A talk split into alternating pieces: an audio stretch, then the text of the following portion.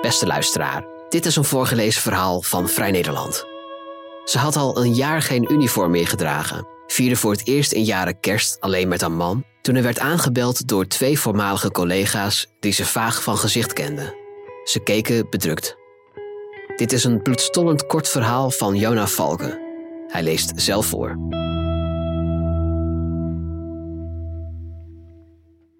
Sommige dingen gebeuren zonder dat het waarom ooit duidelijk wordt. Ze had al een jaar geen uniform meer gedragen. Vierde voor het eerst een jaren kerst alleen met haar man. Toen er werd aangebeld door twee voormalige collega's die ze vaag van gezicht herkenden. Ze keken bedrukt. Wie is er dood? zei ze opgewekt. Ze had wat gedronken. Ze konden niet zeggen, het speet ze alleen dat het nu met kerst moest. Haar man, die altijd al op het neurotische af was, stond achter haar met zijn keukenschort nog om en een pollepel in zijn hand. Ze vroegen haar om mee te komen. Ze zei dat het vast iets onbenulligs was, maar op eerste kerstdag was ze daar eigenlijk niet zo zeker van. Hij keek haar na vanaf de oprit. Ze zag hem tieren, de pollepel op de grond smijten. Het was stil in het busje. Sneeuw lag er niet op de weg die ze dertig jaar had gereden. Er lag al jaren geen sneeuw meer met kerst. Soms in het voorjaar nog, een paar centimeter, tijdens een sneeuwstormpje dat even snel kwam als ging. In de achterstandsbuurt waar het bureau stond, werd geen kerst gevierd.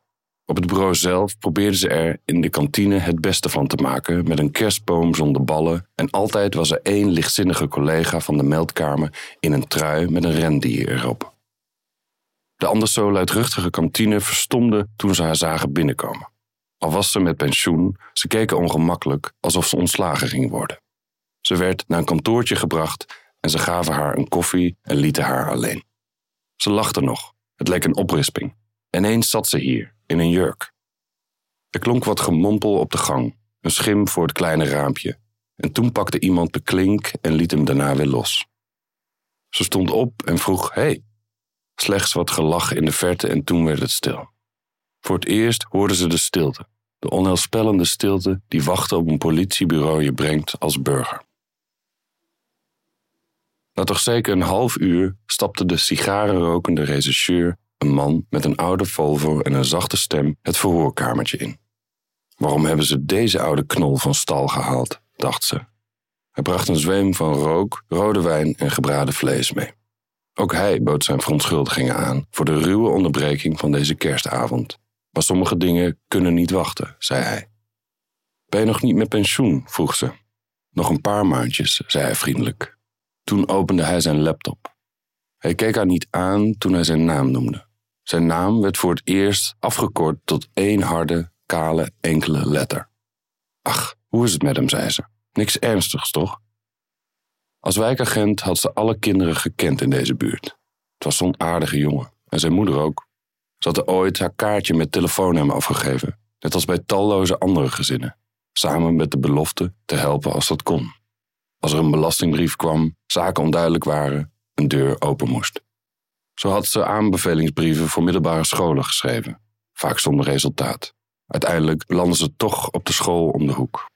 Ze had de woede gezien die dat veroorzaakte, meegemaakt wat er gebeurt als ambitie en leergierigheid een halt wordt toegeroepen.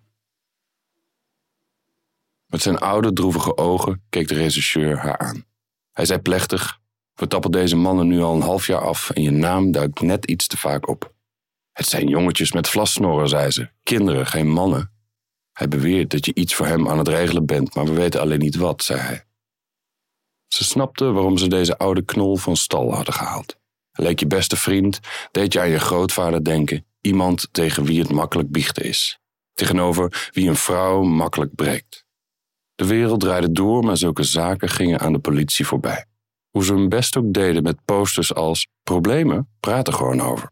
Op de poster een agent die zijn verhaal deed bij een collega op een bankje in een park.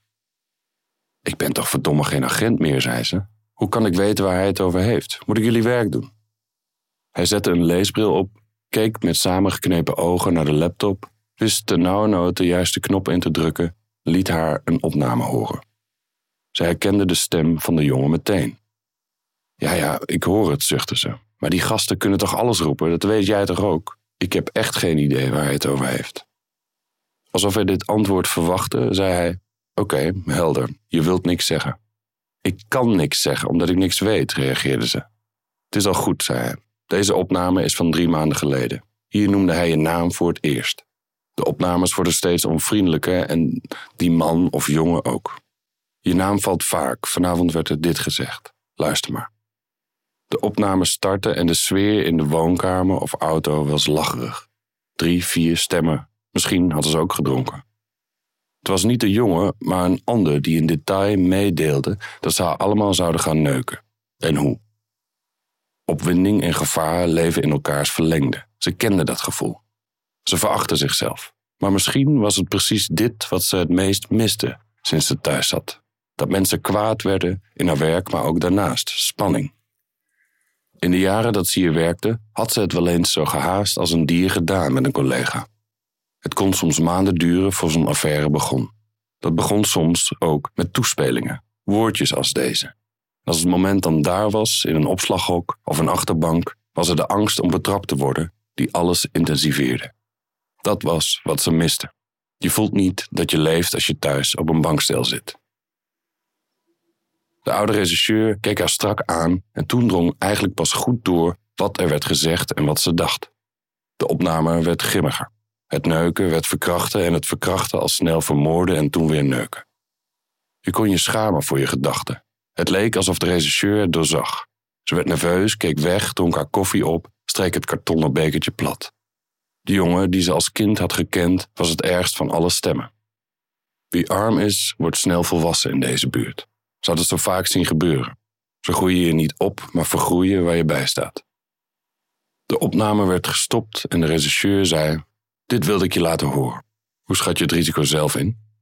Ze wilde je vooral weg, probeerde het luchtig en professioneel te houden en zei: Het zijn maar woorden.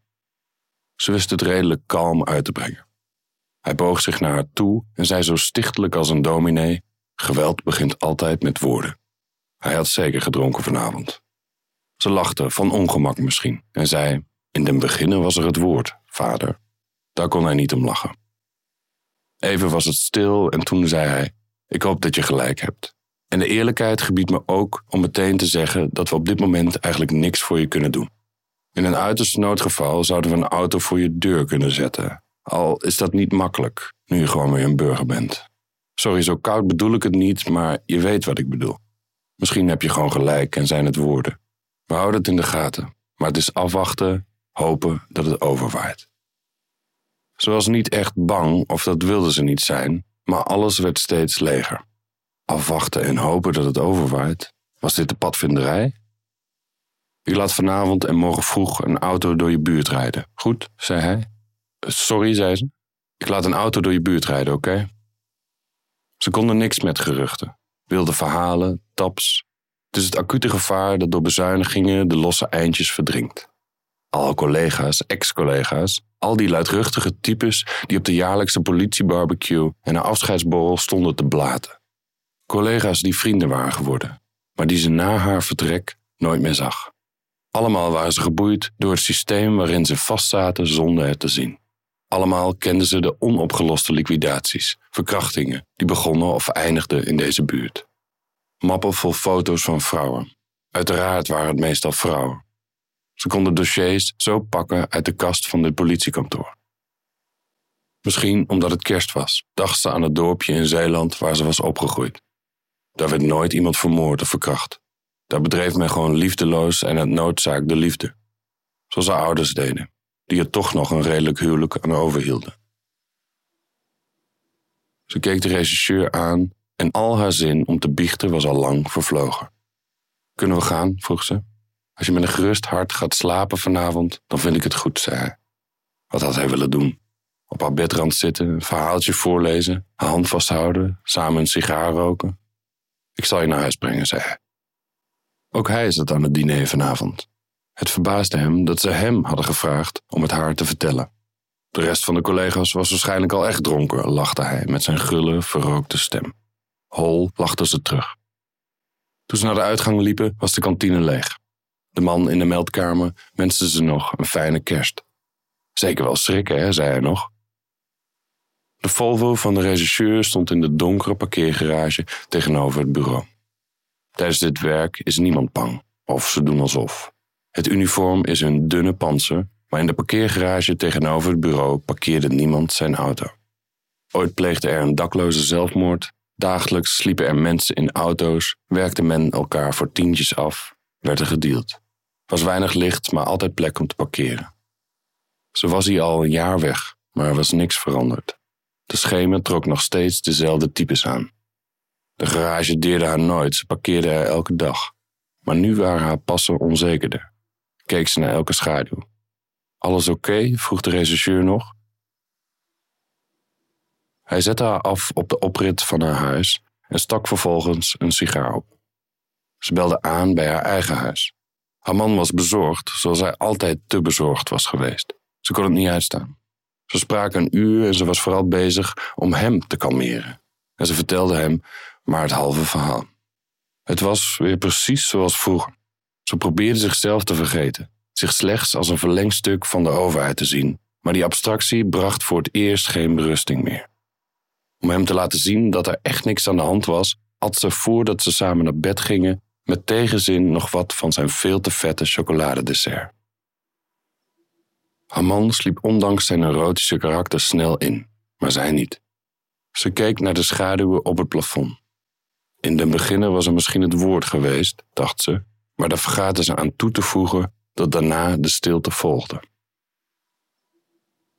Ze moest toch nog even ingedommeld zijn, want om een uur of drie werd ze wakker door geschreeuw en geklop op de voordeur. Haar man sliep diep en ze liet hem slapen. Ze stond op en liep naar beneden. Lichte opwinding maakte zich van haar meester.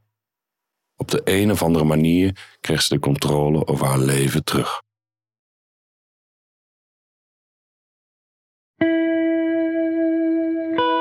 Wil je meer verhalen van ons lezen of beluisteren? Kijk dan op vn.nl of abonneer je op Vrij Nederland in je podcast-app. Voor onze trouwe luisteraars hebben wij ook een speciale actie. Een half jaar Vrij Nederland online voor maar 15 euro. Kijk voor de aanbieding en de voorwaarden op vn.nl/podcast. Bedankt voor het luisteren.